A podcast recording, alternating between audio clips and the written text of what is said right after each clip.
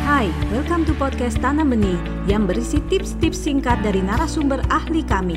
Jangan lupa di-follow.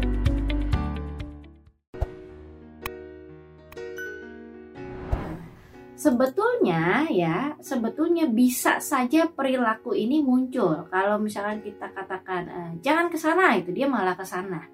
Tapi niatnya, nah kita lihat dulu niatnya apa atau eh, penyebabnya apa. Kalau penyebabnya adalah karena tadi dia impulsif.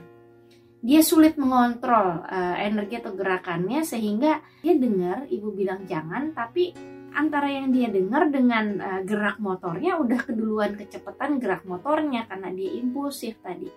Jadi yang dia lakukan sebaliknya daripada apa yang ibu larang gitu ya. Nah, tapi ada juga anak dengan kondisi yang namanya gangguan ODD, Oppositional Defiant Disorder yang tidak akan kita bahas, hanya saya singgung sedikit.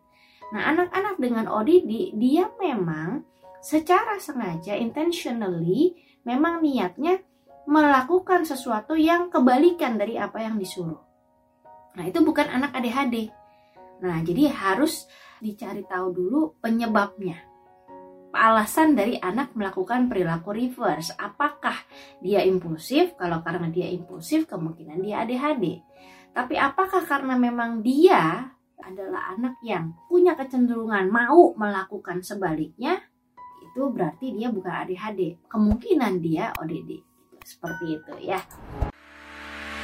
Anda baru saja mendengarkan tips dari Tanam Benih Foundation. Mari bersama-sama kita terus belajar untuk menjadi orang tua yang lebih baik demi generasi yang lebih baik. Jangan lupa follow podcast kami